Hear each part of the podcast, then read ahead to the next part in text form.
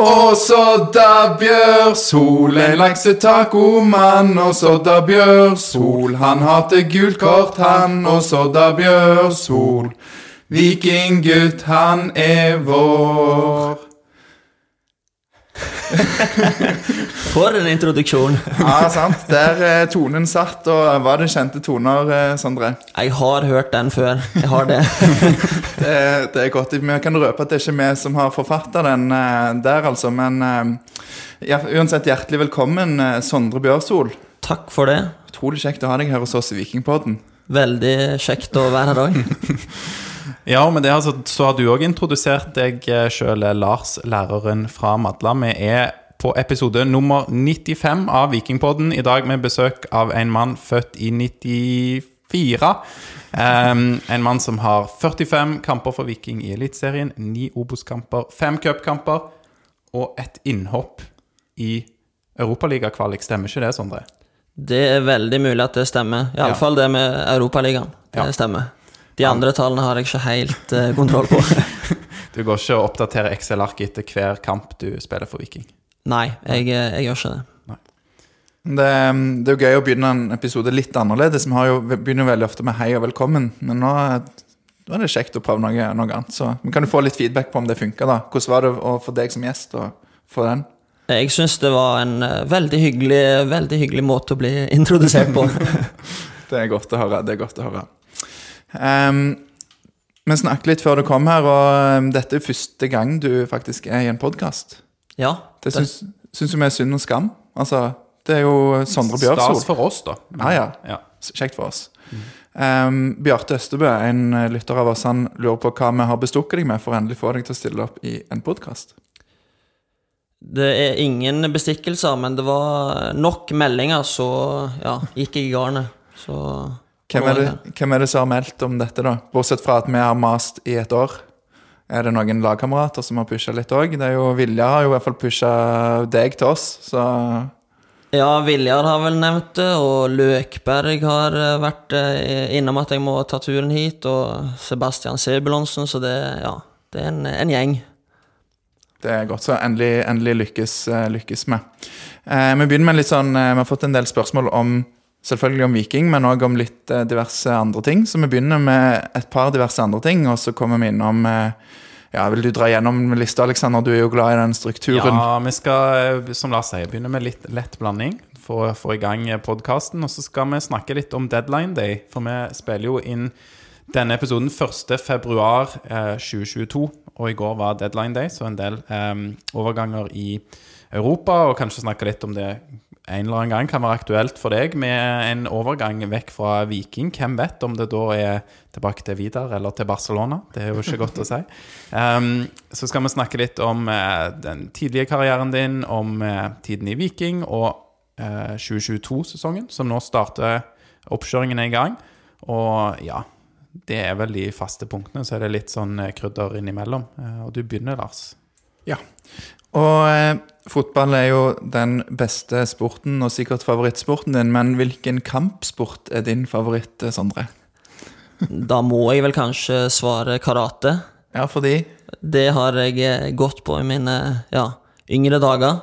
Så da har du gradering i, det? Er ikke det det heter når du får sånn belter og sånn? Jo, riktig. Så jeg har uh, brunt belte. Det var det jeg kom til før jeg ga meg. Hvor langt har du kommet da, hvis du havner på brunt? Brunt det er vel tre brune grader før du kan gradere deg opp til svart, tror jeg. Der du har ja, ti Ja. dan, som er liksom ja, Så det er egentlig, ti svarte belter. Ja, det er den nest høyeste fargen. Nest høyeste fargen, ja. Ja, det høres veldig bra ut. Ja, det høres jo ok ut, jeg er enig i det. Det er godt. Eh, Bruker du, tar du ofte dette i bruk på, eller drar nytte av det i fotballkarrieren din? Nei, jeg, jeg, det er lite av det, altså. Jeg føler ikke jeg kan eh, ta, dra opp de der karatesparkene. Det, ja, det hadde ikke helt passet seg. Jeg eh, skulle håpet at jeg var litt sånn mykere etter å ha gått på karate, men jeg er jo pinnstiv, så det liksom fikk heller ikke nytte av, av det, da. Nei. Og så er det jo litt kjipt å drive true Sebu med, med litt sånn Du, trapp ned nå, for det, her kommer jeg tilbake. uh, nei, men uh, du har òg Du har jo vært gjennom mye, og ja, hvordan vil du rangere seieren i Danacup med Vidar? Altså, eh, John Blikshavn Riska blant annet har spurt på Instagram hvordan det var å vinne Dana Cup med 94-gjengen. Og ja, Johannes Erik, Erik eller Eik Forgård lurer Det er nok på, Eik, ja. ja, lurer på om det fins videobevis at dette har skjedd på YouTube, eller?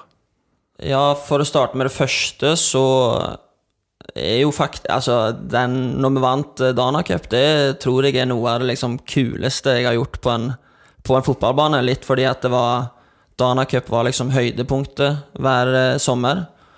Og så mm, ja, var jeg yngre, så det på en måte Gleden med å vinne var kanskje større enn sånn I, i seinere tid så er det gjerne litt mer sånn lettelse.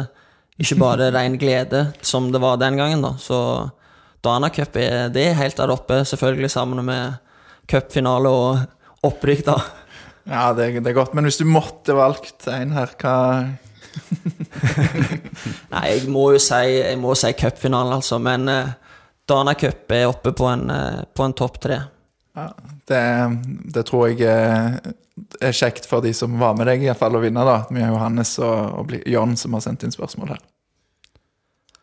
Ehm, nå, eh, ja, nå Du er jo en mann med mange talenter, eh, Sondre, så vi, vi hopper litt. Du er jo ganske sterk i teknologi og naturfag. Det har jeg akkurat lært om deg. Okay. Så her kommer det et, eh, et spørsmål, et naturfagsspørsmål. Eh, Kan man drukne av for mye intravenøs væske? Den er sikker. um, ja, jeg har trodd det i mange år, at eh, det er mulig. For eh, jeg ble fortalt eh, av kjæresten til søstera mi, han er utdannet sykepleier. Og han meldte det at Eller jeg mener iallfall han har sagt det at når de hadde vært på fest, så tok de gjerne når de kom hjem, da, for å unngå å få altfor trang hjelm på seg dagen etterpå, så tok de og satt sånn intravenøs væske. Eh, og eh, ja, for, for å fylle på med vann og salte. Og så var, er jeg sikker på at han har sagt at eh, men du må passe på at du ikke gjør det for lenge, for da, da kan du få for mye vann i blodet og drukne. Og dette er noe jeg har gått og fortalt eh, til folk. liksom, ja, Hvis dere kommer borti det, så ikke ta det for lenge, i alle fall, for da kan det fort gå gale. Er det noe av dette som er sant? Altså, eh, Søstera di og kjæresten, gjør de dette etter å ha inntatt for mye væsker som ikke bare er H2O? Det, det, jeg, jeg, jeg, jeg tror det er en greie at, eh, at sykepleierstudenter kan gjøre det der. Men eh, ja, det med at du kan dø, det er da ikke Du kan ikke drukne av det. Nei, i hvert fall ikke drukne. Det hørtes jo spesielt ut. Ja, men det var noe med det at du kunne få for mye vann i blodet, tenkte jeg da. Men uh, Mm. han mener at han aldri har sagt det til meg. Men uh, ja, jeg står på mitt, altså. Det, det er noe han har sagt. Det er ikke noe du har eh, funnet på sjøl, hevder du. jeg føler ikke at jeg kan ha sugd det fra eget bryst, altså. Men et annet talent du har da, eh, tror jeg, er grønne fingre? Spørsmålstegn. Ja, jeg eh, har vel ikke så grønne fingre, men jeg har prøvd meg litt nå i Men ja, noen de, avleggere Avleggere har jeg.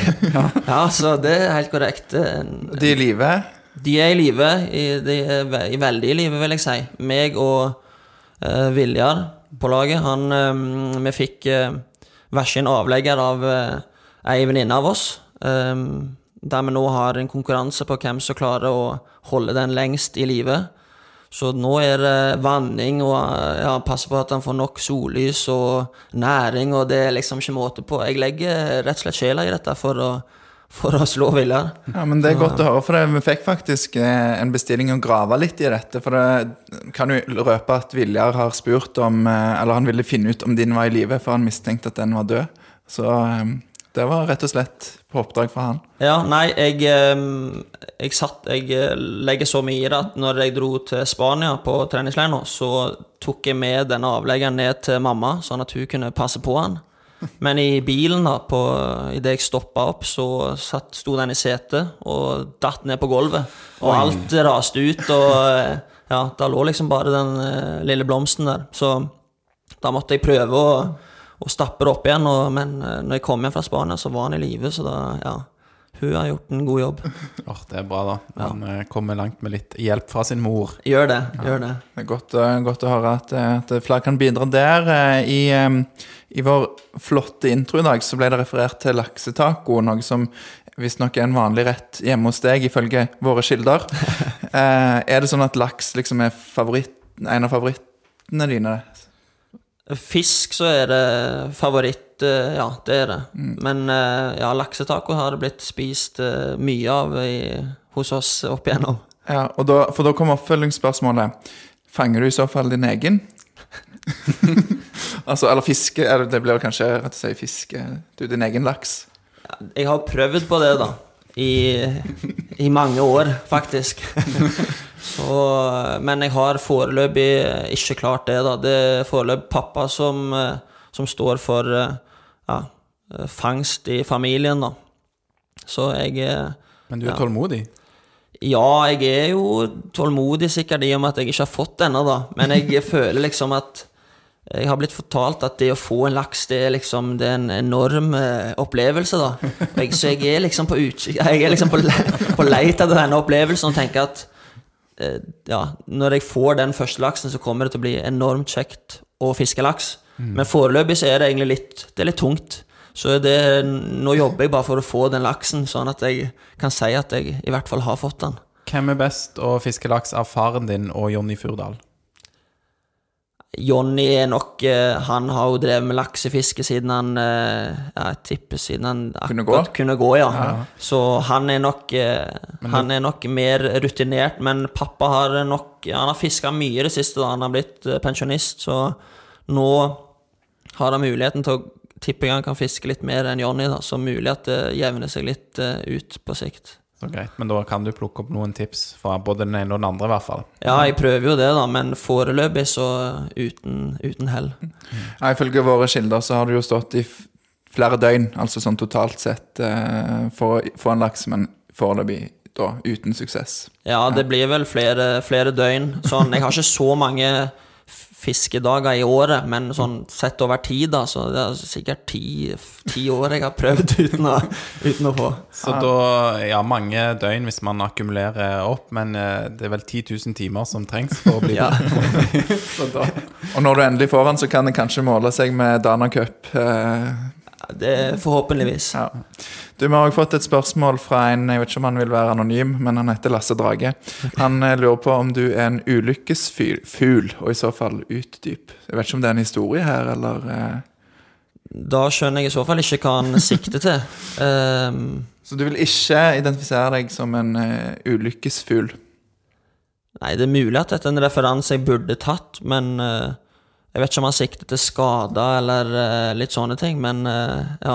I, i, ja. I så tilfelle så er jeg vel gjerne en liten ulykkesfugl, men eh, ja. Nei, jeg vet ikke. Vi har fått dårlige tips fra den kanten før, har vi ikke det? Liksom? Så må slutte å spørre.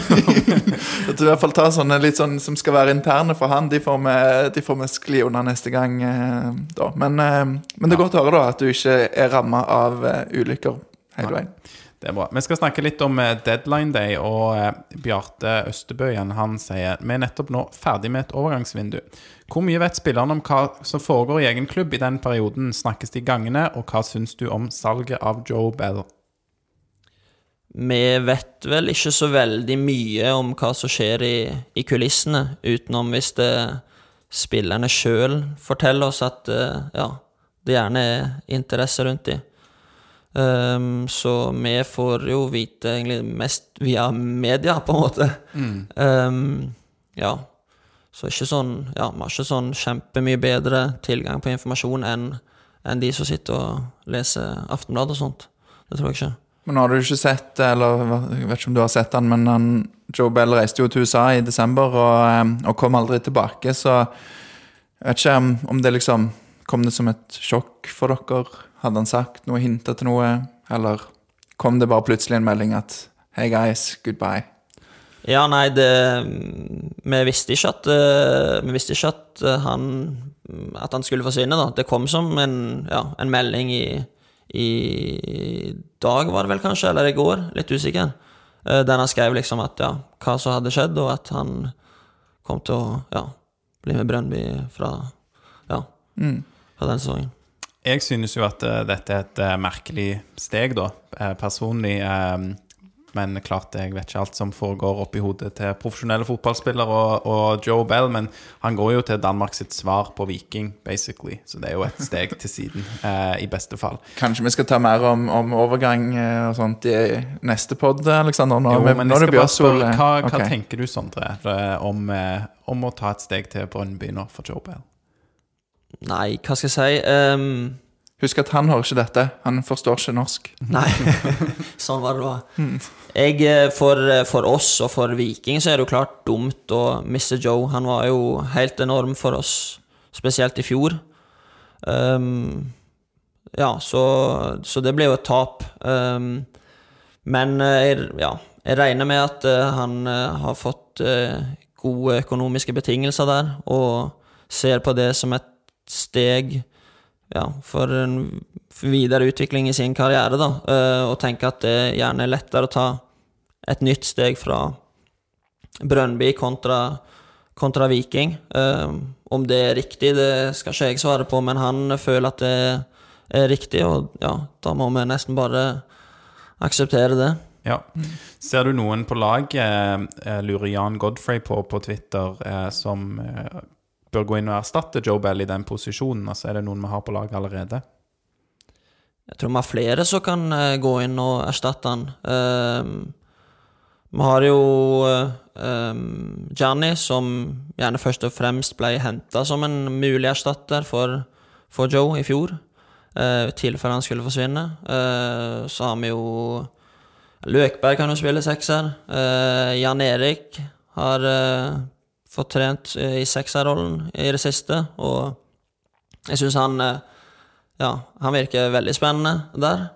Um, og så har vi Lars-Erik Sødal, en ung gutt hos oss som uh, jeg tror kan bli veldig bra.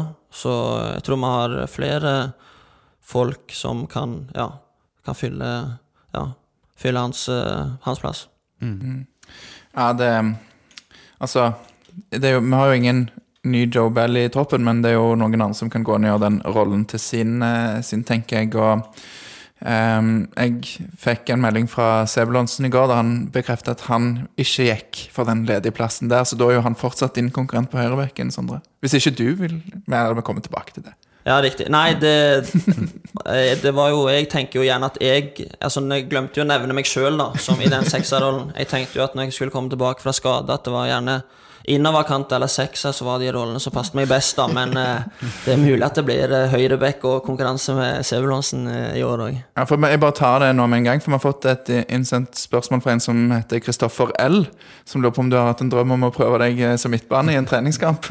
Ja, det hadde, det, hadde vært, eh, det hadde vært gøy, det, altså. Om jeg passer der, det vet jeg ikke, altså. Jeg, jeg var jo midtbane før, når jeg var, var yngre. Men nå har det vært, vært eh, mange år med spill på, på bekken, da, så spørs om orienteringsevnen og touchen hadde vært eh, god nok til å bekle den rollen. Jeg tror vi, jeg tror vi er glad for å ha deg på høyrebekken, jeg, Sondre. Du hadde sikkert gjort det bra på midtbanen òg, men jeg tenker, tenker det høyrebekk eh, det, det er jo min posisjon, så det, jeg syns det er litt ekstra gøy. Ehm, men du har kanskje ambisjoner. eh, Knut Husdal lurer på om du vil ta noen år som proff, eller gå for å bli legende på høyrebekken i Viking. Uh, ja, det var det, da. Jeg, uh, jeg trives jo veldig godt i Viking, så, og begynner jo uh, i fotballsammenheng, og, så jeg er jo ikke purung lenger. Så selv om jeg føler meg uh, nokså ung, så nei, jeg Ja. Da må jeg jo prestere veldig bra denne sesongen, tenker jeg, hvis det skal bli aktuelt. Så vi får bare se. Jeg, eh, ja, jeg trives veldig godt som vikingspiller, og så ja, nå har jeg jo bare Eller nå har jeg kontrakt ut uh, dette året her, så får vi, får vi se etter det. Hva skjer? eh, Er det noe på gang der? Kan du si noe om det? Eller signaler du har fått, eller ikke fått, eventuelt? Nei, foreløpig så har jeg ikke snakket eh, med klubben om, ja, om noe forlengelse eller noe sånt, så Men det tipper jeg at det, det eventuelt blir seinere i år, hvis, det, ja, hvis de vil ha meg med videre. Men du stiller deg ikke på bakbeina. Du i hvert fall utelukker ikke en ny kontrakt, håper jeg. Nei da, absolutt ikke. Jeg, eh, ja. Det er godt. Jeg husker jo i fjor, det var litt eh, Helt i starten tror jeg av året, så var det liksom en sak om at dette kan være Vikings eh, nye salgsobjekt, eller noe sånt, og da var det jo bilde av deg. Husker du dette? Var, var det liksom Var det noe snakk da, eller var det mer aktuelt? Det var vel Morten som nevnte det, det vet jeg ikke om om var for å skape litt blest om troppen, eller, eller hva det var. Men eh, ja, nå eh, var jeg jo nesten bare skada i fjor, da, så det, det var vel kanskje ikke Jeg solgte meg jo kanskje ikke inn i, i forhold til å bli solgt, da. Men ja. ja. Nei, det Men, men sånn når vi hadde Viljar Vevatnet som gjest hos oss i Det var vel 2020, det. Det begynner å bli en stund siden det òg. Så sa jo han at eh, alle Han mente at alle vikingspillere måtte ha en ambisjon om utlandet for at Viking skulle bli bedre. Hva tenker du om, om det utsagnet? Omtrent det han sa. Jeg skal ikke si var ordrett. Jeg følte det var litt ukjent for meg, men kanskje det var det han sa. ja, det var i hvert fall i de baner. Skjønner du hva jeg mener? Ja, jeg tenker jo at det er bra at vi har eh, utviklingsmål, at vi vil bli bedre og ser etter ja, noe å strekke oss etter, da. Eh, om det er eh, i Viking eller liksom Eller utenfor Norge, det, det vet jeg ikke, men jeg vil jo tro at alle har en drøm om å, om å bli proffe utenlands, da. Så jeg tipper at de fleste har en sånn liten drøm om at det skulle skjedd en gang. Men om Ja, så ikke det alltid realiteten, da. Så det Men vi trives jo godt i Viking, og om det ikke blir, så, så lever vi godt med det òg. Hva klubber er det du eh, kunne drømt om å spille for? Det har vi annet fått spørsmål fra Tuva Solbrekk om på Instagram.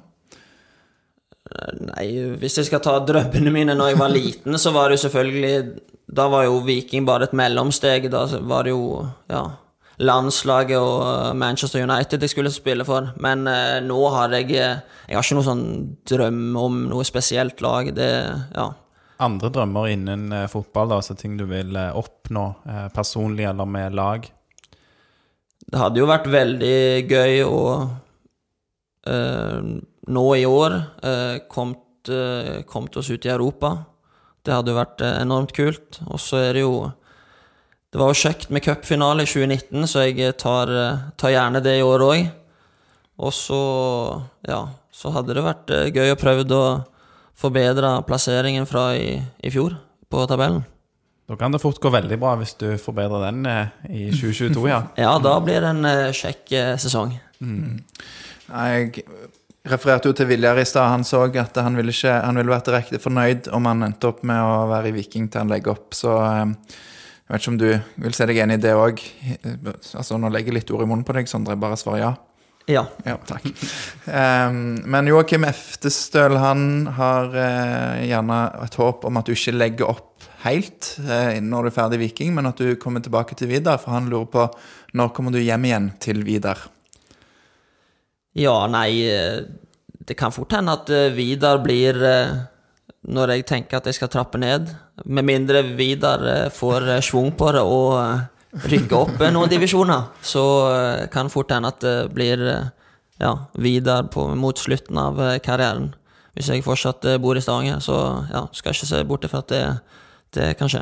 Vi får håpe det blir noen år til. Og så En annen som gjerne ikke har skyhøye ambisjoner på dine vegne, i hvert fall sånn mot slutten, det er Daniel Berntsen. Eh, Han lurer på hvor på banen du ønsker å spille den dagen overgangen til Buøy er i boks. og Er det noe der, eller Jeg vet ikke om du kjenner han, eller har vært linka til Buøy før, eller hva som Jo da, jeg kjenner han eh, godt. Jeg har spilt i videre med han, så han eh, Nei, da ville jeg nok jeg- tror kanskje jeg skulle, ville gått for en sekser, eller, eller innoverkant, som jeg var inne på. Ja.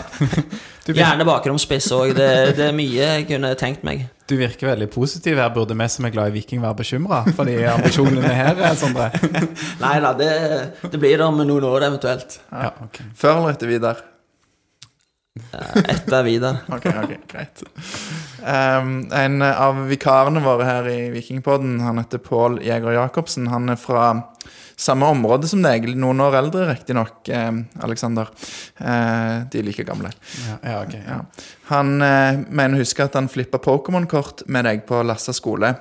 Eh, han sier han håper han kan gjøre det igjen en gang, type når du har blitt utenlandsstjerne i England. Så han har litt høyere ambisjoner, og litt fine på det, for han stiller kun som eh, medprogramleder når vi har gjester som har spilt i England. Så Ok. Var det bare et sånt statement fra Pål, rett og slett? ja, han ville bare si at han, han ville ikke komme. Nei, men det, det er fair. Eh, Så men da vet jeg, du hva du må gjøre da for å få flippa Pokémon-kort med Pål igjen. ja, det er notert. Jeg, jeg husker ikke at jeg har flippa kort med men jeg husker at uh, Pokémon-kort ble flippa en del på barneskolen. Han vant de sikkert fra meg siden han var en del, del år eh, eldre, så Ja, altså, han, altså Det er vel fem år, er det ikke det? Noe sånt, Aleksander? Jo, for du er født i 1994, så da ble Pål Jæger Jacobsen Han er da født i 1989, så han manipulerte sikkert de fleste ungguttene i disse Pokémon-flippe-oppleggene. Ja. garantert. Garantert. Pokémon-kort, det var stort, det. Men eh, har vi snakket oss gjennom eh, dette som heter overganger og deadline day nå, Aleksander? ja, og litt til. Det var veldig, Pokémon veld, veldig Ja. på viddene, det. Så, ja. Det, mm, det som vi nå kom inn på, er det som handler om tidlig i karrieren, og litt om oppvekst og, og litt sånn. Og mm, bare sånn for å ha det klart, hvor høy er du, Sondre? 1,84 og en halv på en god dag. Det er ikke verst, veldig spesifikt. Men har du alltid vært så høy? Nei, det, det Jeg vet ikke hvorfor dere ler nå, men Nei, jeg har eh, vært eh, liten, egentlig, mye av, mye av eh, oppveksten før jeg begynte å vokse. Og hvordan, og hvordan var dette når du bl.a. sammen med Birger Meling var på St. Svittuns juleball tidlig i videregående? Nei, det var, det var vel uh, harde kår, vanskelig for oss på ei uh, rundt 1,60 der og, og få, få napp hos eh, damene, vil jeg tro. Så vi hoppet vel bare rundt der og ja. Ja, Vi har fått 1,50 oppgitt. eh, 1,50 jeg, jeg lurer på om jeg bikka 1,50 på, på, på ungdomsskolen. Det er ikke sikkert at Birger gjorde det, men eh, jeg tror jeg var Nei, Så du var litt, eh, var, litt fortvila da etter det ballet der? eh, De, for, for det var vel noen som var lavere enn dere?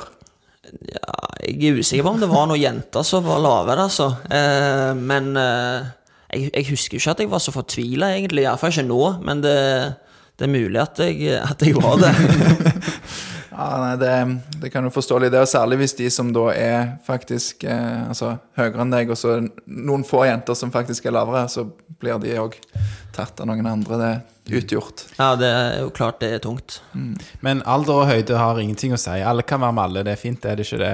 Jo da. Er God gang. Kan være vi kommer litt inn på dette med, på damefronten senere, Aleksander. Ja, det er jo bra. Det passer fint for meg som er aktiv eh, på Tinder og er flink på det. Så det, kommer, det er bare å glede seg, eh, Sondre. Kommer noe der. Em, men vi skal ta det tilbake til fotballen. Um, nå ble det veldig mye hopp og sprett. Altså. Det var masse rare temaer vi kom inn på, men det, det er Men det handler jo om oppvekst, sant? Ja. Vokste opp. Ja, sant, sant. Takk. Eh, Sondre ga meg anerkjennelse for den festen. Han gjorde det bare stille. ja, det er godt. Det er godt. Beklager, jeg må, det er jo podkast, jeg må jo si det. Ja, jeg likte den. Takk. takk. Men Sondre, du var tro mot Vidar i hele din ungdom. Var det et bevisst valg å ikke gå til Viking eh, tidligere? Var det et tilbud som kom opp til vurdering på et tidspunkt? Nei, det var Jeg hadde aldri noe tilbud fra, fra Viking, så ja. Men jeg følte vel at eh, da så var det Det var vel ingen fra Vida, tror jeg, som gikk til Viking. Så det var litt sånn Jeg følte det var rivalisering. Om jeg hadde gjort det hvis jeg hadde fått tilbudet, det skal vet jeg ikke. Men eh, jeg fikk aldri tilbudet, så det var, det var aldri, en, aldri en greie. Nei, den er, god. Og da er vi jo litt inne på det som eh, Torjar Meling, da, som er det tredje medlemmet av denne podkasten, lurer på. Um, han spør hadde du et mål å tro på at du ville bli vikingspiller som ung ungdom eller ung voksen. Ja, det hadde jeg vel. Jeg eh, lurer på om jeg skrev det som jeg nevnte tidligere, at eh, ja, Viking skulle jeg spille i, og så før jeg gikk til, til United, da. Så eh, Viking var alltid med i planen om Ja. I min karriere. Og du får til det du planlegger, så da kan det være United. eh, Man Manchester United. Det, det kommer. Det spørs. Det spørs. Det De jo- trenger kanskje en innoverkant eh, nå i disse dager. Ja. Jeg vet ikke om det er klubben man vil gå til i disse dager uansett. Jeg får et rot, men det er greit. Men jeg, jeg hopper inn for det du drømte om Viking. Var det som du hadde noen forbilder eller sånn i Viking som du så opp til? Det har vi fått spørsmål fra Steffen Christensen om. Jeg, jeg eh, Ikke sånn i ung alder, eller eh, Det var vel Brede Hangeland som var Ja, var liksom litt sånn idolet. Jeg husker jeg tok et bilde med han når jeg var på et sånn skulle på en sånn eh, brosjyre til NFF eller noe sånt, meg og en, en kompis som satt på skuldrene til, til Brede. Um, men jeg kjente, jeg kjente ikke så mange navn, altså. Jeg gjorde ikke det. Det var Ja, det var det var mest sånn United jeg eh, fulgte med på, så var jeg litt på kamp av og til. Iallfall når, jeg var- når jeg var ung, da. Og så begynte jeg å gå på vikingkamp sånn Ja, når jeg var 12-13, tror jeg, eller noe sånt. Da fikk vi sesongkort på, på stadion og ja. 2007-sesongen kanskje med bronse. Det Noe sånt, ja. var jo et greit år, det, for så vidt. Og Torjar Meling lurer jo da passende nok videre på Kan du rangere følgende stadioner eh, i rekkefølge? Lassabanen, Stavanger stadion og SR Bank Arena. Har du en favoritt? Um, jeg må jo si uh, SR-Bank Arena som eh, favorittarena, da. Um, og så kommer Lassabanen på en god nummer to, og Stavanger stadion på tredjeplass. Ja, det er jo et, et middels anlegg, det der Stavanger stadion, er det ikke det? Nei, jeg Jeg spilte jo tror, tror Torjer blir litt skuffende, for han har en veldig kjærlighet for eh, Stavanger stadion av en eller annen grunn. ja. Så um, sorry, Torjer. Um, nå bladde jeg litt forbi her. Er det meg nå igjen, Aleksander? Du kan, eh, kan stille spørsmål her fra Håkon eh, Sandvik. Altså, han lurer på eh, Er det de utallige turene rundt Store Stokkavann med stein i barndommen som har lagt grunnlaget for alle turene opp og ned høyresiden på stadion nå for deg? Hva Stein var den trener du hadde? Det Stein er faren min, Stein er faren ja, din, ja. men ja. han var òg trener i, da jeg var yngre. Ehm, Dro deg rundt Stokkavannet? Ja, jeg vet ikke om han dro meg rundt Stokkavann, altså. Eh, men det var jo måten vi trente kondisjon på når jeg var yngre, det var jo ofte at vi sprang rundt eh, Mosevann og Stokkavannet. Men men da ofte med laget, da. Og så har jeg vel sprunget rundt eh, noen ganger alene med, med pappa, det har jeg nok. Men om det er det, så har Ja, det er nok, det er nok inne i bildet. En, en faktor som bidrar inn der, ja. Kan jeg spørre eh, om hva persen er der? Persen Passion eh, Jeg sprang vel eh, Nei, jeg husker ikke, faktisk. Jeg eh, sprang Siddisløp en gang når jeg var elleve, 11, tror jeg. Eh, da sprang jeg vel på 36 med Ja, det der, ja, Siddisløpet. Det er vel eh, Så har jeg sikkert sprunget bedre i ettertid, altså, men jeg, det er liksom den tida jeg husker, da. Det virker som en veldig bra tid for en elleveåring. Ja, det, var, det er veldig god tid. Det er jo tross alt hva er det, åtte, kilometer nå, så Mulig det var Mulig det var opp mot 37, så Jeg skal ikke skryte på meg noe her nå, men Nei, men det er sterkt. 36-tallet tror jeg var inni der. Ja, det er sterkt uansett. Seks minutter på Mosvann òg, eller? Nei, så god er jeg ikke. Nei da. Um, Vikingspeaker Øyvind Jacobsen på Twitter spør eh, hva tenker du om at din tidligere klubb Vidar ikke lenger er nest best i byen, men forbigått av Vesle Brodd på Storhaug? Det er jo Det er jeg jo ikke enig i, da, selvfølgelig. Så Vidar er, er og kommer alltid til å være bedre enn Brodd. Om de spiller i tredje eller fjerde, det er ikke så farlig. det er ikke så farlig. Nei, nei. Men tiden har jo forandra seg, da. Det var jo Vidar og Viking i, i mange år for de som er litt eh, eldre enn oss, da. Så det er Sånne ting eh, endrer seg, og det Kunne vært verre. Det kunne vært SIF. Vidar kunne vært SIF. SIF som var oppe i Obos, og så Ja, stemmer. Nede i sjette divisjon. stjal loddbokpengene til, til alle de eh, barne- og ungdomsavdelingene og sånn. Jeg vet ikke om det var det som skjedde, men det er min tidligere klubb, så det er ikke så mye å være stolt av der. Um, akkurat den epoken så er det vel bedre nå. Um, du nevnte jo dette med at du uh, begynte å gå på stadion når du var 13 år, eller fikk sesongkort da, på SR Bank Arena i den tiden, Sondre. Ja. Uh, har du noen spesielt gode minner fra, supporter da, av eh, Viking. Det var jo ikke kanskje Skal, skal ikke jeg heller legge ordene i munnen på deg, men, men det var jo Ikke gullalderen. Nei. Du nevnte tredjeplass, Lars, i 2007. Ja, 2007. 2007 var vel det høyeste Ja, nei, jeg har ikke noe sånn eh, Jeg husker bare jeg syntes det var gøy å, å være på stadion. Da, om det var 13 eller 12 eller 10 jeg var, det husker jeg ikke helt. Men uh, vi hadde noen år der vi var, hadde fast sesongkort. da. Eh, det var vel en Det jeg husker best, tror jeg, var når Peter EJ bøtta inn noen mål mot uh, Var det Brann? Ja. Eh, som var sårt eh, tiltrengte, da. Det er vel det jeg som, som, som jeg husker best, egentlig.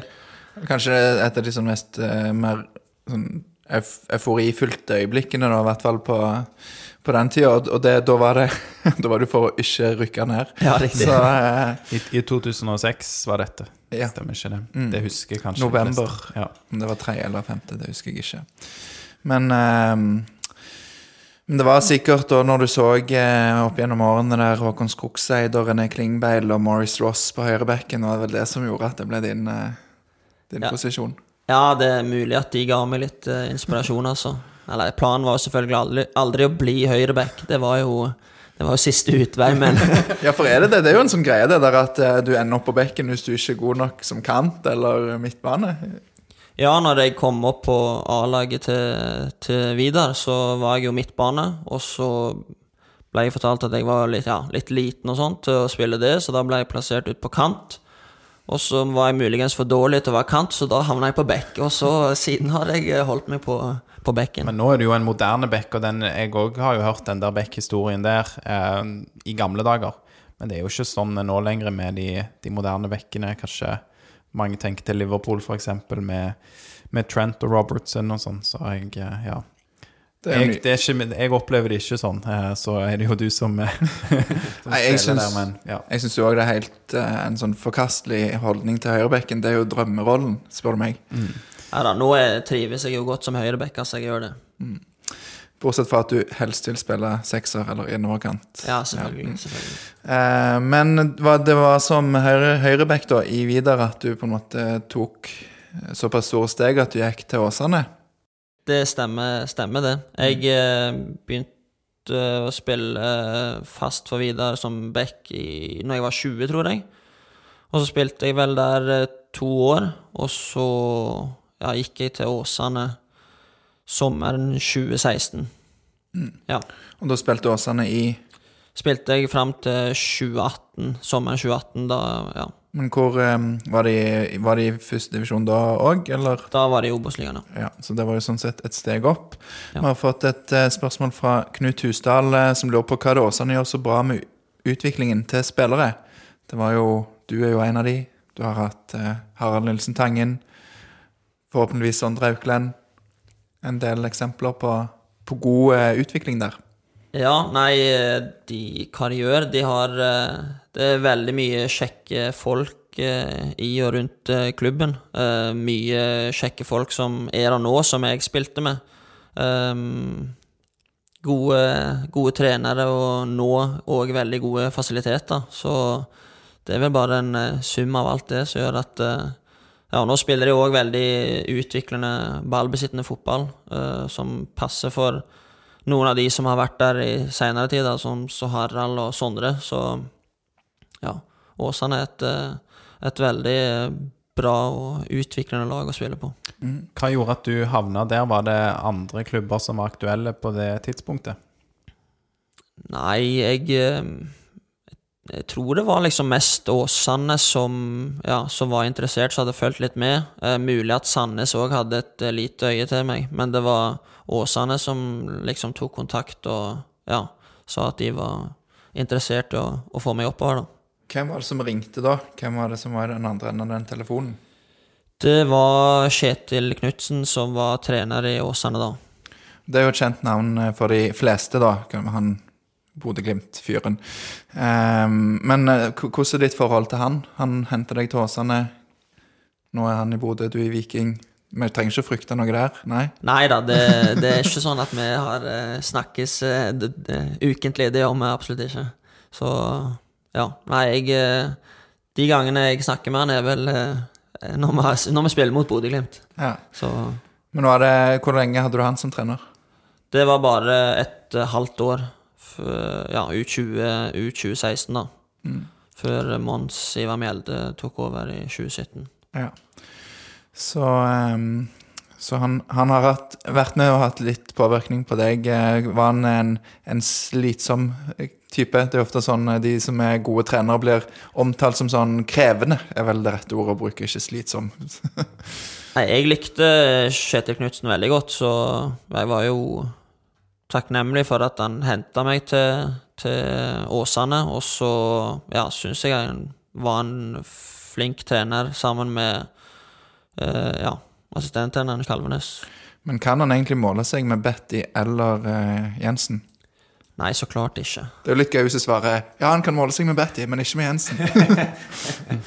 Vi går til neste spørsmål, som også kommer fra Lasse Drage. Eh, eh, Hva tror du er nøkkelen Sondre, til at du ble profesjonell fotballspiller, og vil du anse deg sjøl for å være en late bloomer? Ja, jeg er vel en eh, late bloomer, siden jeg eh, Det tok jo litt tid før jeg eh, kom meg opp på det høyeste nivået i, i Norge. Um, nei, det hva som har gjort det Det er vel eh, Jeg syns det var veldig kjekt å spille fotball da jeg var yngre, og brukte mye tid på, på banen. Ehm, hadde jo drømmer om å bli veldig god, så Og ja, av den grunn så på en måte prioriterte jeg å, å trene mye. Så det er vel eh, Ja, det er vel det som har gjort at jeg ja, har kommet der jeg er i dag. Det er et godt svar. Man blir ikke god i fotball av å spille Fifa eller andre ting. Så ja. Vi skal gå til eh, tida i eh, Viking. Og Steffen Christensen han lurer på hvordan var prosessen med å bli vikingspiller? Det var um, i, Ja, i sommeren 2018 da, så var det vel på deadline day, lurer jeg på om jeg fikk en telefon fra, fra Morten Jensen. Um, lurte på om at eh, jeg kunne være interessert i å, ja, å spille for, eh, for Viking.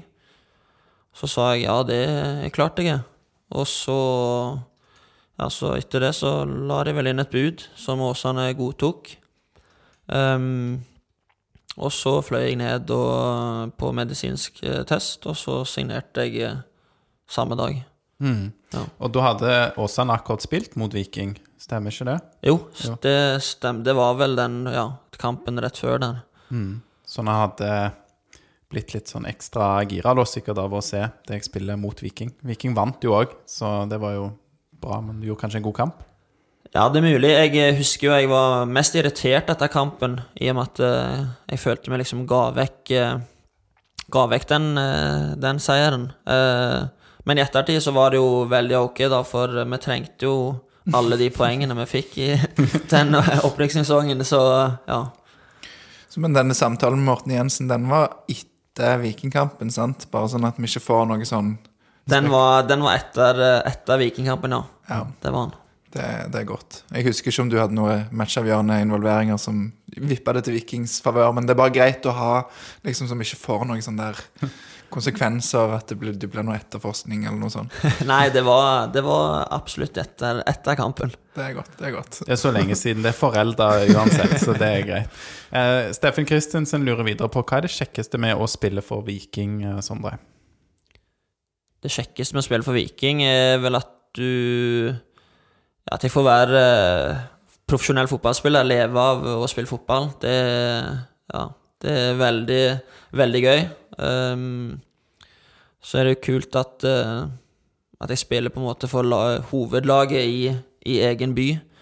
Det er òg veldig stas. Um, ja. Så det er jo det, ja, det er jo rett og slett for å leve av å spille fotball. Det setter jeg, eh, setter jeg pris på. Du slår meg jo ikke som den typen som er mest glad i å på en måte stikke deg fram og på en måte ta plass, men er litt sånn Føler du deg som en kjendis, for å si det sånn, i liksom Stavanger? Nei, jeg, eh, jeg føler meg ikke som en kjendis i Stavanger. Det gjør jeg absolutt ikke. Eh, Blant eh, vikingsupportere så er jeg eh, ja, veldig gjerne et kjent fjes, men eh, jeg, jeg føler ikke at jeg går rundt og må passe meg for paparazzis og, og sånt. Ikke foreløpig, i hvert fall. Men du, du må ikke gå med sånn hettegenser og signere autografer overalt du kommer. Og, Nei, jeg har slupp, sluppet det til nå. ja. Skulle du ønske det var mer av det? Nei, jeg trives veldig godt med sånn som det er, altså. Jeg gjør det. Ok, ok. Ja, ja. Vi får se nå etter du har vært her, så um, Ja, mulig det, mulig det eksploderer nå. Uh, det er jo kanskje greit at vi ikke filmer den episoden, så, Jo, så derfor du vi- ikke ville vi skulle filme. uh, Bjarte Østebø lurer uh, på, Sondre Du gikk fra nedre halvdel, bunnen av Obos med Åsane, og du fikk et halvår på, på Obos-nivået med Viking før eh, du gikk rett inn og var god i Eliteserien. Var du sjøl overraska over at det gikk så greit? Ja, jeg var i grunnen det. Um, når jeg kom til Viking, så var det jo på det samme nivået som jeg hadde spilt på tidligere, så det føltes jo på en måte litt uh, trygt. Um, så var jeg jo selvfølgelig spent før 2019-sesongen på liksom hvordan både jeg og laget kom til å ta, ta nivået. Så hadde vi en, jeg husker jeg vi hadde en god treningskamp mot Haugesund, siste kampen før serien starta, og der vi vant 4-0. Og etter det så tenkte jeg liksom ok, hvis det her nivået ligger, så har jeg liksom troen på at uh, dette kan vi få til. Og så starta det jo bra for oss, da, og da ja, fikk vi på en måte både jeg og laget, tror jeg, troen på at uh, ja, dette kan- kan jo gå ok. Bite fra seg, ja. Var det, var det André Danielsen du kjempa med på høyrebekken på det tidspunktet? Eller Kronberg var det vel i Obos?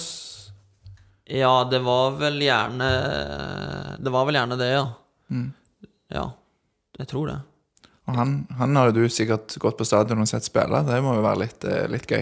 Ja, det var, det var kjekt å få dele garderobe med André Danielsen. Det er en, eh, en topp fyr. Du vant den kampen, da, så la han opp. Så ja, takk for den. Nei da. vi har uh, tidligere hatt uh, Tripic på besøk her i Vikingpodden, og det sier jeg ikke bare for å reklamere for episode 92, tror jeg. Burde jeg skrevet ned, sant? Så lite var det for å reklamere for det at jeg har ikke engang skrevet ned hva episode det var. Tror det var 92. Han snakker der litt om hvordan hans rolle i laget har endret seg i takt med Vikings spillestil. Dette er det Bjarte Østebø som skriver. Hvordan har backrollen endret seg under de nye trenerne? I Obos-ligaen, skrev han, var back Vikings backer veldig ivrig etter å doble på innsiden. Det ser vi ikke så mye til nå lenger. Uh, nei, jeg uh, Det er mulig at vi dobla mye på, på innsida i, i, uh, i Obos-ligaen. Um, nå vil de vel gjerne at vi skal doble både på utsida og innsida. Um, Bare kom deg fram. ja, bare, Samme hvor.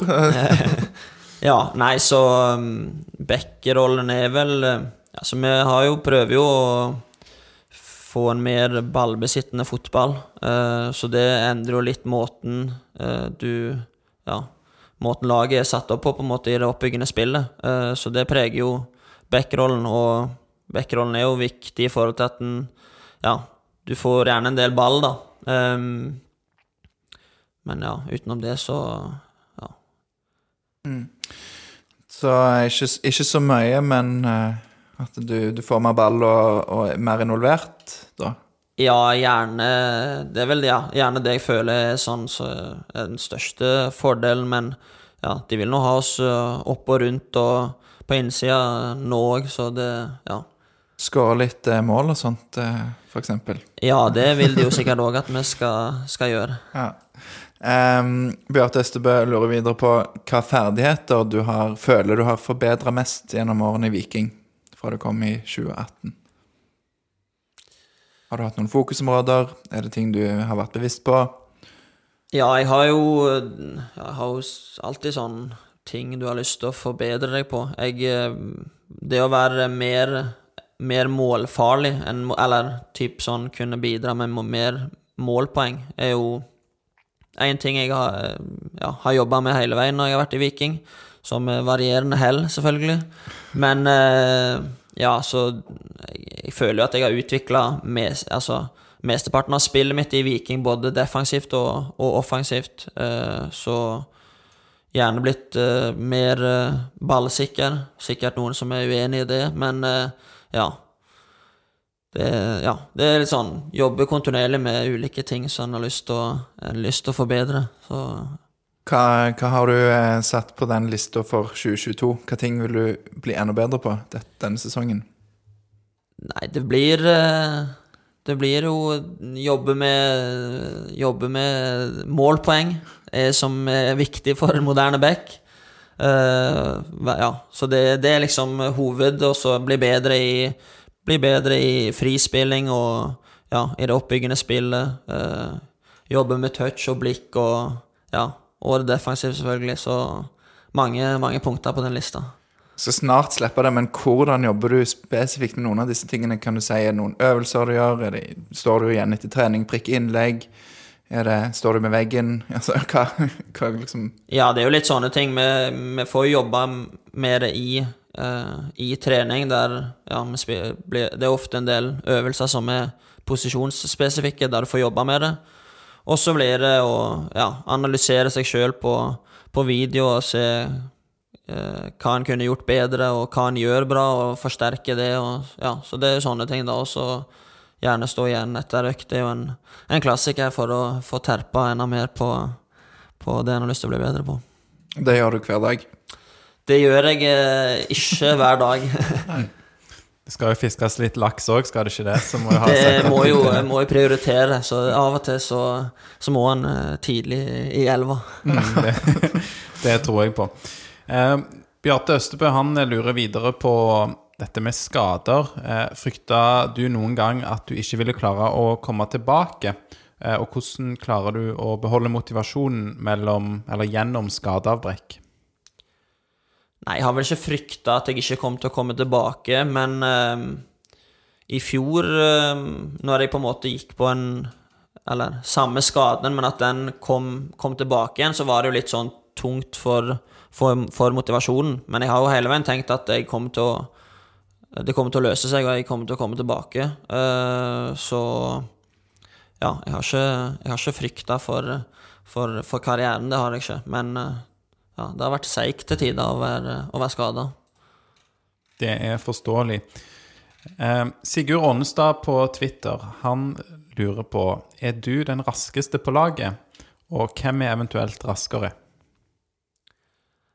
Jeg eh, er vel ikke raskest, nei. Jeg eh, tror jeg er Eller jeg er blant de raskeste på de første meterne, uh, iallfall ifølge tester. Jeg føler vel kanskje ikke at jeg er så rask på banen, så jeg vet ikke om jeg har en veldig god eh, teknikk på de testene vi har, eller eh, sånn. Men eh, det, ja, det er nok en del på laget som har iallfall høyere topphastighet. Så Kan du si hvem det er?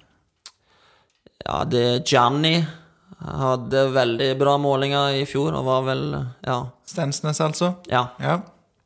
Så han er oppe der, ja. Det var Ja. litt overraskende. Kevin er rask, og uh, Janni er rask, og nei, det er flere, flere raske på, på laget. Så det er på, på topphastighet, men den eksplosiviteten du snakker om, den eh, måles på en litt annen måte, da, der du scorer bra.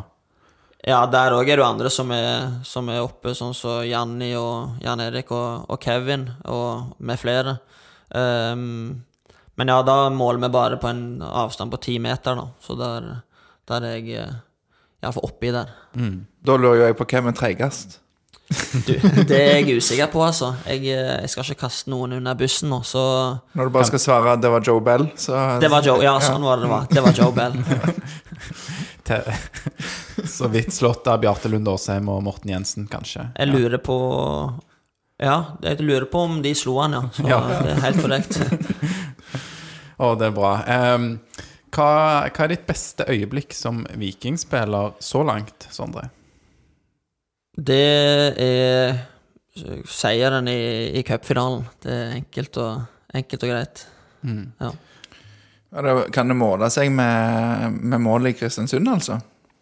ja, absolutt. Eh, det var òg veldig kjekt å, å få sitt første mål, men eh, men jeg, ja, der ble jeg litt sånn Ble litt sånn paff over at han gikk inn. Det var bare sånn Å ja, der, der var den i mål. Så ja, så det var sånn Det var, det var også så klart veldig gøy, men eh, det er ingenting som måler seg med, med cupfinalen. Det er ikke det.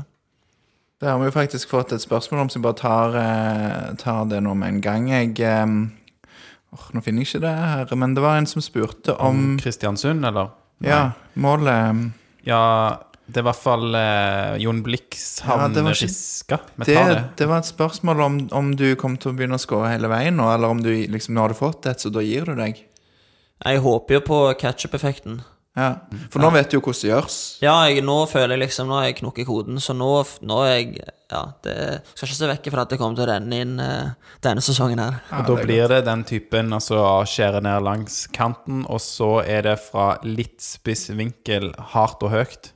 Ja, det kan hende at det er spesialiteten min fra, fra nå av. Det får vi håpe på. Det, det blir bra. Eh, Nå kan jeg ta det fra Jørn Blikshavn, som spør hvor sliten du var etter målet mot Kristiansund på tampen av 2021-sesongen.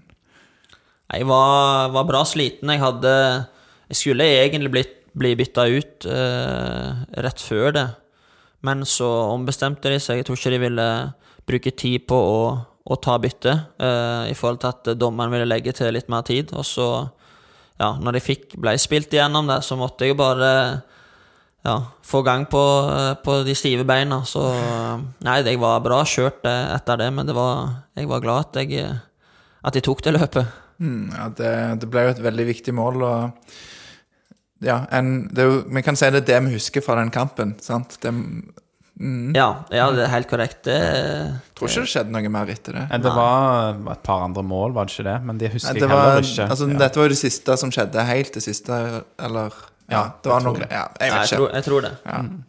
Um, for eventuelt finne den kampepisoden fra i fjor med Vikingpodden, så får vi høre om det var noe der. Men eh, Knut Husdal, eh, igjen en eh, god spørsmålsstiller i podden her. Han lurer på beste kamp og kjekkeste kamp. Det er gjerne to forskjellige, eller samme. Vet ikke. Mm, Beste kamp uh, Jeg har jo litt Jeg føler jeg har litt sånn gullfiskminne uh, når det gjelder fotballkamper. Det handler om den neste kampen, ikke sant? Ja, riktig. Ja. Det er korrekt. Uh, så beste kamp som jeg husker nå, da må jeg jo jeg må ta Kristiansund. For eh, det er Hvis du tenker spilleprestasjonen min, da, eller eh, tenker du Ja, altså Det er jo ikke jeg som har stilt spørsmålet, men, eh, men det er jo interessant å høre hva du tenk, tenker om det, syns i hvert fall jeg. Ja, i og med at jeg eh, har vært eh, vaksinert mot å score, så føler jeg liksom når jeg først fikk den, så må jeg liksom ta med meg den som en Ja, som en standard. Så det Ja. Og hva var, hva var det andre Um, han lurte på? Uh, kjekkeste. Kjekkeste Uh, Ja, hva var kjekkeste kamp, da? Uh, Opprykksfinalen eh, var jo veldig kjekk.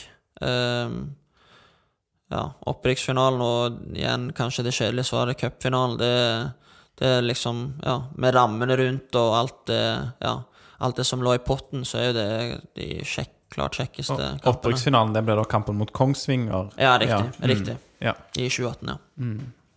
Det, det så veldig gøy ut. Jeg var vekkreist.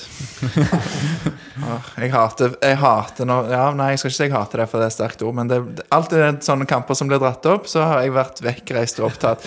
Så um, Det er jo så fint Takk. i Stavanger. Det er ikke noe å reise vekk for uh, Lars. ikke alltid jeg har valgt det sjøl, altså. Det må jeg innrømme. Ja. Nei, men uh, det, det handler ikke om meg, dette her. Så um, Nei.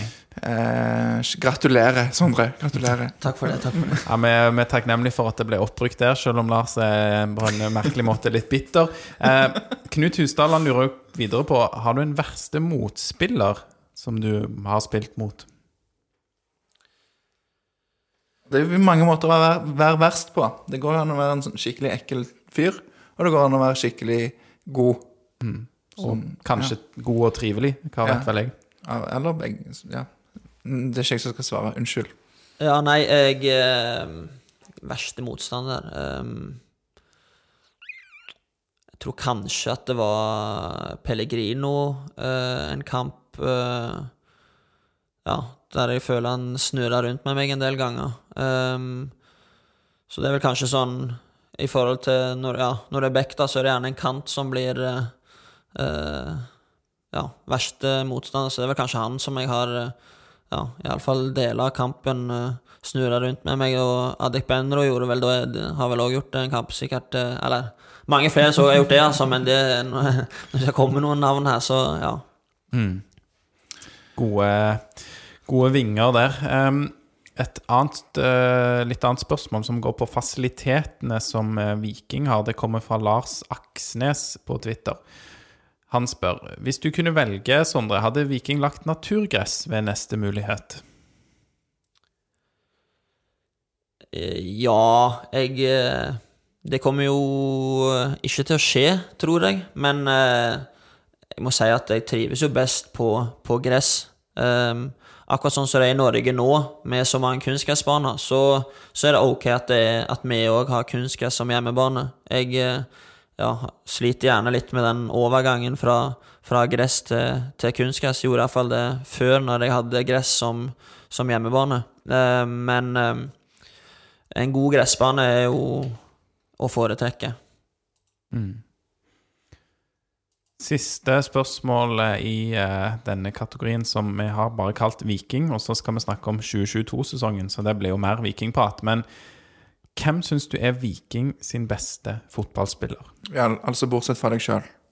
Ja, det var greit at dere nevnte det. Um, hvem er Viking sin beste fotballspiller?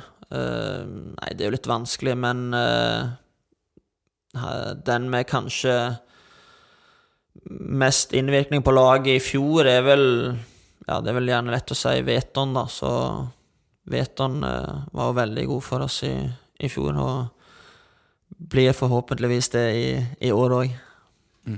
Det, det får vi håpe. Han, eh, han eh, skal vel ikke til Tyrkia eller Russland, han, tror du det? Nei, det har jeg ingen tro på. Holder seg for god til sånt.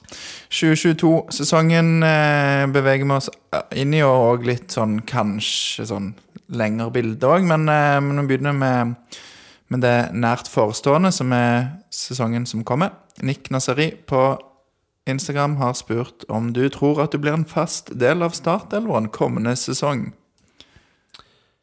Ja, det er iallfall målet. Jeg eh, det, Ja, det er målet. Jeg håper jo å kunne spille meg inn til fast plass på, på høyrebekken. Så har jeg jo en eh, Ja, en veldig god utfordrer, så vi får eh, bare ja, gjøre vårt beste begge to, og så får, trenerne velge hvem de har lyst til å, å bruke.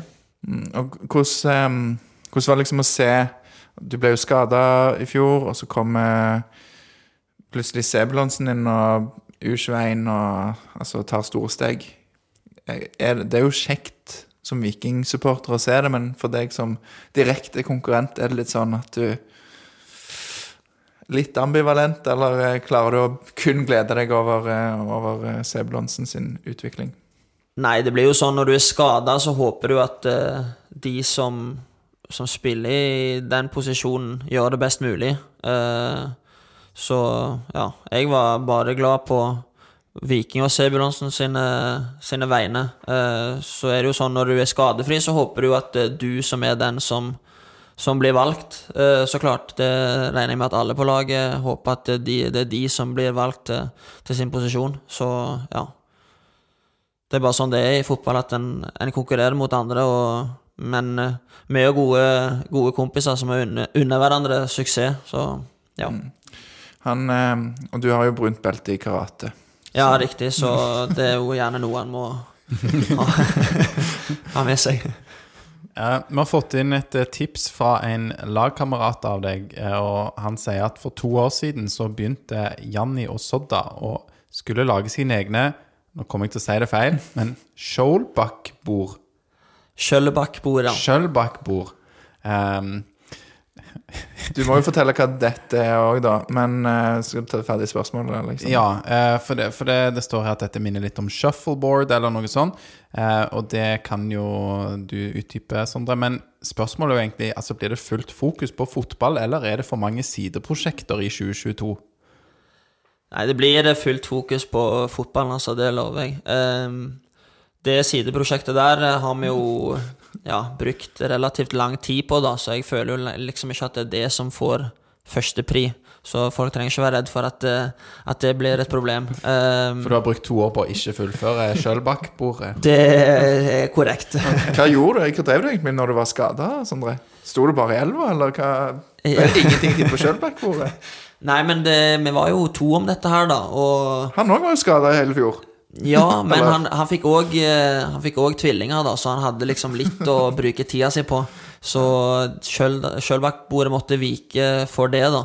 Um, men nå er vi helt på oppløpssida. Det er liksom finpussen som gjenstår på noen brikker og noe sånt, så jeg ja, jeg vil si at eh, jeg har troen på at i løpet av, i løpet av 2022 så står det klart til, til bruk. Så Dere lager et sammen, det er ikke hvert deres? Nei, men planen var å lage to.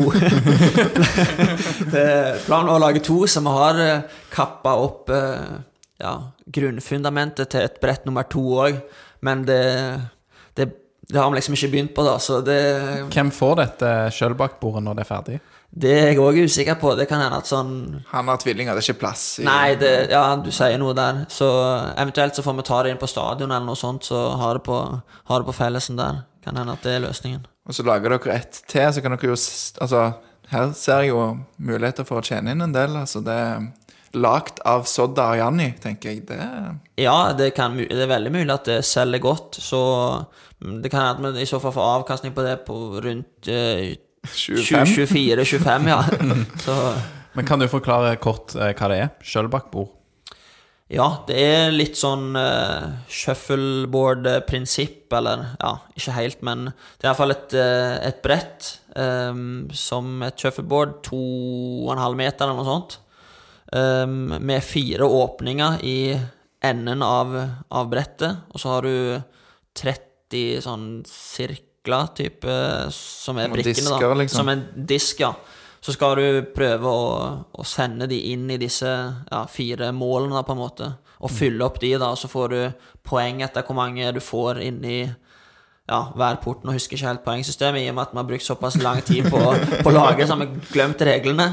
Så det må vi sette oss inn i. Men eh, ja, som prinsipp er det, da. Så det var noe jeg prøvde på en eh, på et utested i, i Trondheim en gang jeg var, var der oppe. da Og det er der han òg har plukka det opp. Ja, er det to spillere, fire spillere, eller Du kan vel være så mange du har lyst til, men du er én om gangen, da. Og så ja, spiller du gjerne om å få den høyeste poengsummen, da. Så ut ifra hvor eh, tålmodig du er, så kan du ha ja, flere spillere. Men da høres det ut som eh, noe gøy vi, vi kan få lov å kanskje prøve i 2023. Absolutt. absolutt. på stadion? På det som er et for alle, det bordet? Ja. Det, det er godt å, å høre. Um, vi har fått et spørsmål fra en av Vikings unge lovende. En eh, som spiller på det G16-laget som vant eh, NM. Han heter Tobias Moi, og han vil høre mer om Edvin Austbø. Så mikrofonen er åpen, Sondre. Ja, han, eh, han er en eh, veldig spennende spiller. Altså en, eh, Det er da en ung angrepsspiller som òg er på G16-laget, men har vært med dere nå i Han har trent med oss noen uker, litt i fjor, og så har han eh, vært med oss, var med oss til Spania, blant annet. Um, så han er veldig, veldig spennende spiller. Han uh, ja, overraskende gode avslutningsferdigheter, blant annet. Sånn, eh, ja, så han kom opp, og jeg følte han eh, ja, bare spilte som han gjorde når eh, han spilte med G16, så han imponerte meg, og har Ja, så han eh, kan ha en lys framtid. Er det en du tror vi vil se i Eliteserien 2022? Eh, Det kan godt hende at du får gjøre det. Nå skal ikke jeg legge noe press på han. Om han er der helt ennå, det vet jeg ikke, men han eh, har iallfall noen kvaliteter som eh, Hvis han fortsetter å utvikle seg, så kan eh, det bli veldig bra. Spennende. Ja. Det, um, det var, det var ikke så mye vi fikk sett til han i, um, i Marbella, den ene kampen som har blitt spilt til nå, men, men sånn inntrykket For han fikk jo blant annet en sjanse der han bare, han bare kjørte på han mot disse her 35 år gamle stopperne til Jablonec. Eh, lyktes nesten, men det viser jo litt den der viljen og driven til bare tørre å prøve det som læregutter med, med de store gutta. Så det er spennende. Ja, han virker, virker som han er litt sånn fryktløs eh, type, så ja. Og eh, altså, Nå sier du fryktløs. Vi har ikke fått spørsmål om Daniel Karlsbakk, men kan du bare gi et par ord om han? Ja, han òg virker veldig spennende. Bra fart og god med ball, og så. Herjer han med deg på treningene? Du, jeg har ikke møtt han så mye én mot én ennå, faktisk. Eh, så ikke foreløpig, føler jeg. Eh, det kan hende at det kommer. Ja, vi får, vi får høre igjen eh, om noen måneder. Steffen Christensen han har òg stilt en eh, del spørsmål i dag, og neste han har, er dine ambisjoner. Eh, altså, Tror du at dere kan kjempe om medaljer i år? Er det uttalt mål i garderoben? Blir det gull? Jeg håper at vi kan uh, være med og kjempe om eh, medaljer. Det gjør jeg. Jeg uh, Ja. Vi har uh, en bra, bra tropp.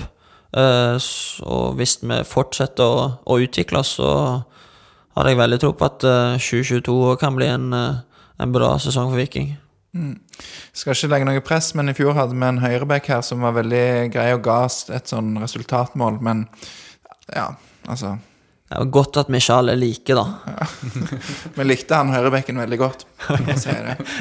Ja. Da, du får eh, Men det er vel eh, Ja, du har jo sagt at dere vil ligge oppe i toppen der, så det er vel et slags mål, det òg. I år, litt spesielt, at eh, det faktisk er mulig til å vinne to NM-titler. Altså vinne cupen to ganger i løpet av et kalenderår. Hva, eh, hvis du må velge mellom to cupgull og sluttspill eller gruppespill i Europa, eller et seriegull?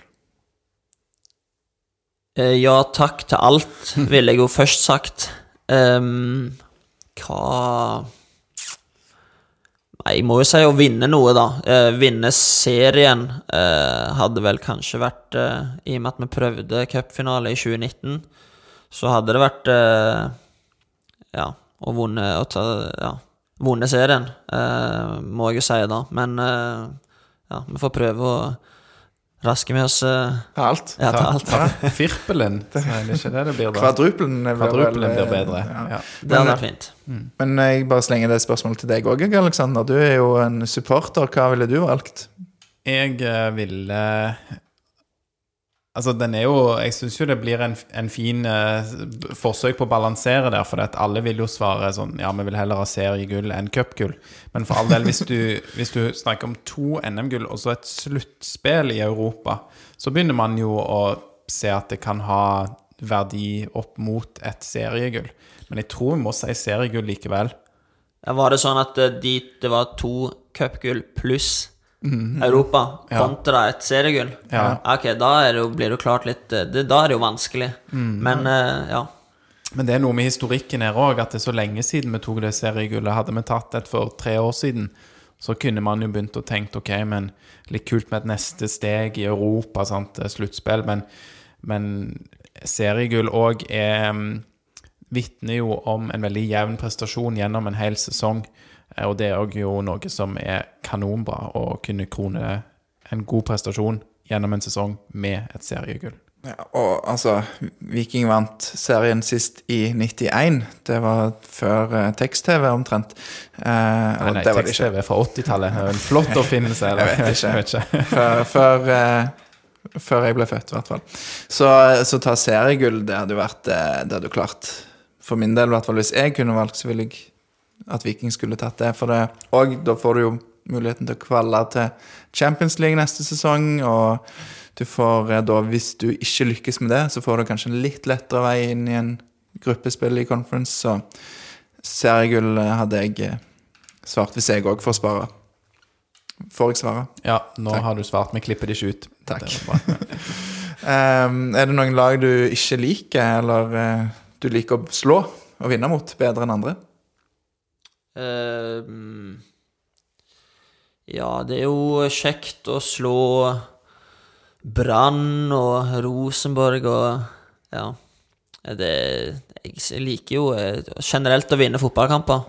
Eh, så jeg eh, Ja, jeg har ikke noe sånt favorittlag som jeg liker å slå, men eh, ja, det er gøy å, gøy å ta Ja, de lagene som har vært eh, store opp gjennom tida, på en måte.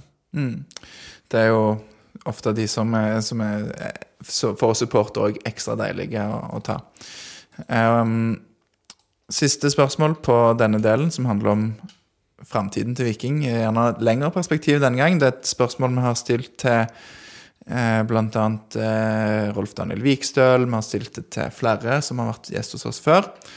Uh, og det er hvis du får eh, Hadde fått ti millioner som du må bruke på å investere i Viking, ikke spiller. Det kan være eh, stadion, det kan være varmekabler i setene på benken, det kan være eh, kunstgress, gress, altså nytt kunstgress eller gress, eller Altså, du, du skjønner, infrastruktur. Hva, hva ville du prioritert? Da hadde jeg eh, prioritert eh, banen, tror jeg. Det, det hadde blitt lagt eh, gress da, tror jeg. Ja. Det, du var Oi, unnskyld meg. Du var jo inne på det tidligere, at det er din eh, foretrukne dekke. Men er det sånn at kunstgresset burde byttes uansett? Ja, nå tror jeg jo at det, det kommer til å bli bytta i løpet av eh, Ja, ikke så altfor lang tid, i alle fall. Så Det var derfor de solgte Joe Bell. Thank you, Joe. takk for den, ja. ja, det er fint at, at det kan brukes eh, på å oppgradere banen. På noe viktigere enn en midtbanespiller. Ja. Eh, hvis du hadde fått 100 millioner, da, da snakker vi jo litt, eh, litt større skala her. Og det var ikke spiller eh, lov til å svare. Eh, det må være fasiliteter. Eh, nei. I treningsanlegg, altså ti kunnskapsbaner istedenfor én. Ja, nei, det er, det er si Nytt. Nå, nå holder vi på å oppgradere garderoben. Uh, den var jo fin fra før av, men nå blir den jo veldig bra, ser det ut som. Uh, så, så hvis det ikke hadde skjedd, så hadde jeg gjerne sagt det. Uh, så hadde jeg Hva skulle jeg sagt, da? Nei, både bygge ut, bygge ut anlegg og få større gym og få Ja, rett og slett bedre, enda bedre fasiliteter enn det vi har i dag, selv om vi har veldig gode fasiliteter, altså. Ja, det, det høres bra ut. Så eh, ja, jeg tror, tror vi ser oss fornøyd med den eh, delen, Alexander. Var ikke det greit svar? Gode, gode svar. Da går vi til løst og fast, siste kategori. Eh, Rune Dahl Fitjar vil gjerne at du gir topp tre forsvarsspillere fra Sandal, Sondre. Topp tre forsvarsspillere fra Sandal, ja. Ehm, da må jeg jo Brede Hangland er vel ikke Sandal, men han er jo Eller han er jo i området, da. Eh, så Og Frode Hansen. Ehm, så kom jeg liksom ikke på Sondre Bjørsvold? Nei, jeg kan Ja, jeg håpet liksom at jeg skulle komme på et navn til, da, sånn at eh, jeg ydmykt kunne liksom ta meg under der, men eh, Nei, ok, da Ja. Og så Sondre, da. Ja. Det er vel eh, Hvem flere er det som er Vi har snakket om Sandal før i denne podkasten, Lars. Husker du flere av spillerne som er derfra? Um, altså, vi har snakket Jeg vet ikke om vi har snakket om Sandal, men i hvert fall eh, Vid, altså Vidar og Lasse. Ja, det sånn, det var jo Sondre Auklend er vel der, er ikke det? Jo, han eh, ja, bor Eller faren bor rett opp forbi der jeg bodde. Men jeg mistenker at han ikke er en veldig god forsvarsspiller, faktisk. Det er ikke der han har sin styrke. Ja, nei, det, det er vel gjerne ikke der han ja, har sin styrke, nei. Det hadde vært en, en overraskelse i 2022-sesongen hvis Sondre Auklend kom inn som midtstopper og dominerte. Han spilte faktisk litt eh, back på trening i dag, så meg og han eh, spilte annenhver kamp. Så han klarte seg jo for så vidt eh, bra der, så det er mulig at det er en ny backspire på, på gang. Kjekt for han hvis han endelig kan ta steget opp til, fra midtbane til back. Det, Ja. ja, det er jo riktig vei. Det er jo helt korrekt. Vi skal ta et eh, spørsmål fra en av våre lyttere i utlandet. Eh, Henrik Heggheim på Instagram har spurt eh, Spør Sondre om han kan utdype litt om Tinder-livet. Ja, det har han vel sikkert spurt om, ja. Um, nei, det er Det er ikke så mye å fortelle om der. Altså, det er stille og rolig. Det skjer veldig lite, så jeg har ikke så mye juicy å fortelle. Så da svarer du egentlig litt på Kristoffer Løkberg sitt spørsmål òg. Eh, hvor hett er det å være singel vikingspiller om dagen? Nei, det det er ikke smiler godt. det, da, det er ikke så hett, altså. Nei, det er rett og slett iskaldt. du, eh, Ja, jeg vil si det er iskaldt. Det er Ja. ørken. Vi får nå se noe etter denne det, vi vi var har på det eh, 6 kvinnelige lyttere. Dere har det, ja? Ja, Ja, men det- da er det jo Da er det håp. Da er det håp, ja. Eh, men dette høres ut som noe som snakkes om i garderoben. Sondre, er det mye fokus på det? Nei, men de tenker vel at det er kjekt å stille sånne spørsmål når jeg er på, på podkast. Jeg, jeg så en veldig fin eh, Instagram-story fra, fra Marbella. Du vet kanskje hva jeg snakker om. Kanskje du bare beskriver denne storyen jeg tenker på, om Tinder? Jo, nei, jeg eh, sto i dusjen, og så hørte jeg at eh, det gikk eh, voldsomt i døra eh, inn til, inn til rommet. Og så, så ble jeg litt sånn forventning hva som, var, hva som skjedde, da. Og så plutselig gikk døra på badet opp, og så lukta han seg igjen. Og så tenkte jeg sånn, hva er det som skjer her? Plutselig så kommer Arild inn med en eh, telefon, og der han eh, ja, spør da hvordan, eh, hvordan det går med Tinder eh, nede i Spania. Og da måtte jeg svare som ærlig var, at det var kaldt.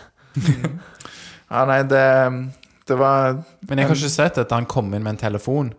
Altså, for, rett og slett filma Ja, ja, jeg kom inn med telefonen og filma, ja. ja. Ja, sånn, ja. ja. Så det, han skulle lage innhold til Instagram-storyen til Viking, da, og tenkte at eh, jeg var et eh, fint offer. Altså, hvis, hvis du hadde gått glipp av den storyen, så har du gått glipp av noe nydelig. For det, det blikket Sondre sender der i dusjen med vann rennende fra, fra altså, hvis, du, hvis, du, hvis du er rette, altså interessert i rette kjønn, så som du er, da, så ville i hvert fall jeg tenkt at her er det bare til å hoppe på den, eh, den ballen. Sondre i dusjen, ja.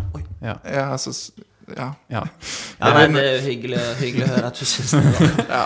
så går vi videre, tror jeg. Det var god, varm eh, flott. Takk for den beskrivelsen, eh, Lars. Så Er det bare meg? Det er litt varmt.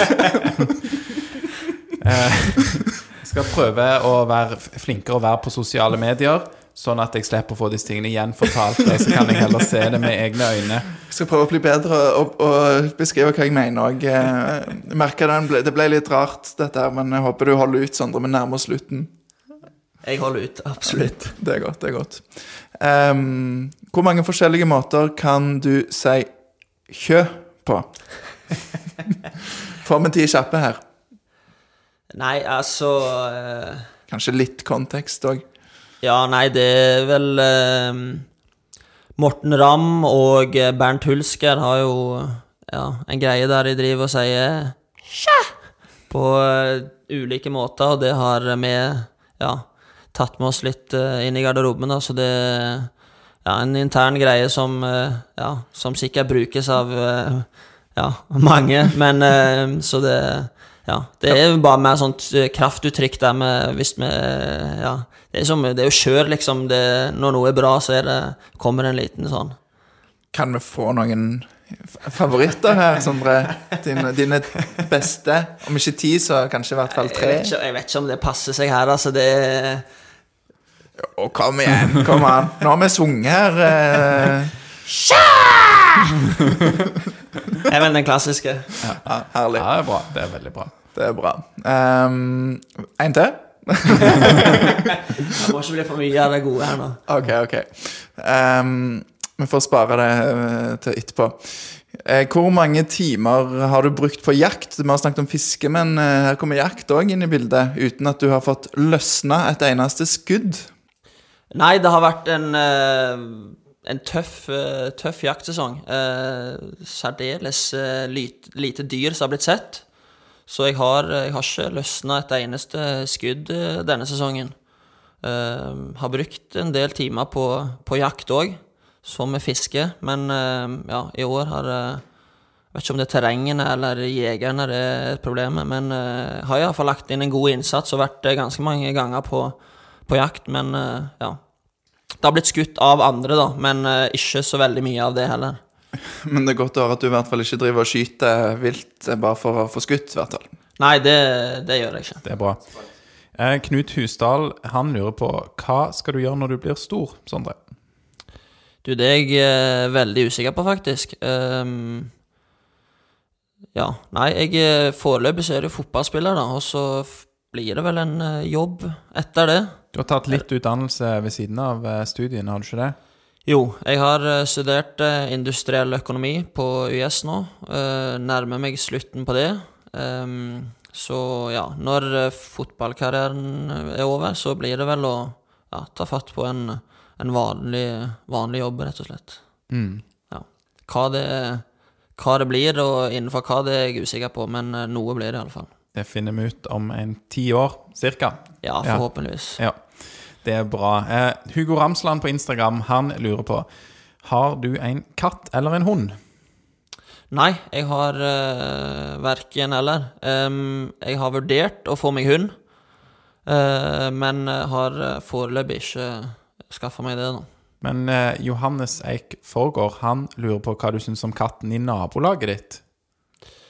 Ja, det Hva, hva er her nå, Sondre? Um, Han sikter vel kanskje til en katt som kom på natta, når han overnatta hos meg. Ehm, så sov eh, Ja, så sov han på sofaen, og jeg sov i senga. Uh, hvis folk lurte på det. Eh, og så plutselig klokka tre på natta så ja, hørte jeg en gærlig mjauing ut forbi vinduet. Um, og så ja, så gikk jeg ut og så det. Da satt en katt og, og ville inn, virka det som.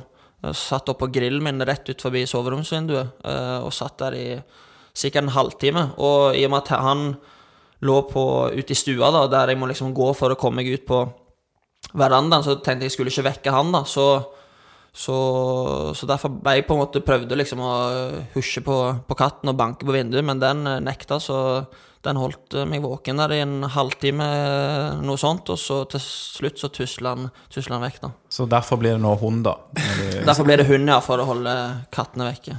Ja, det er bra. Jeg er Ikke så interessert i katter, eh, altså. Um, men eh, du, vi har jo fått litt uh, Fått høre litt uh, om noe du er god på.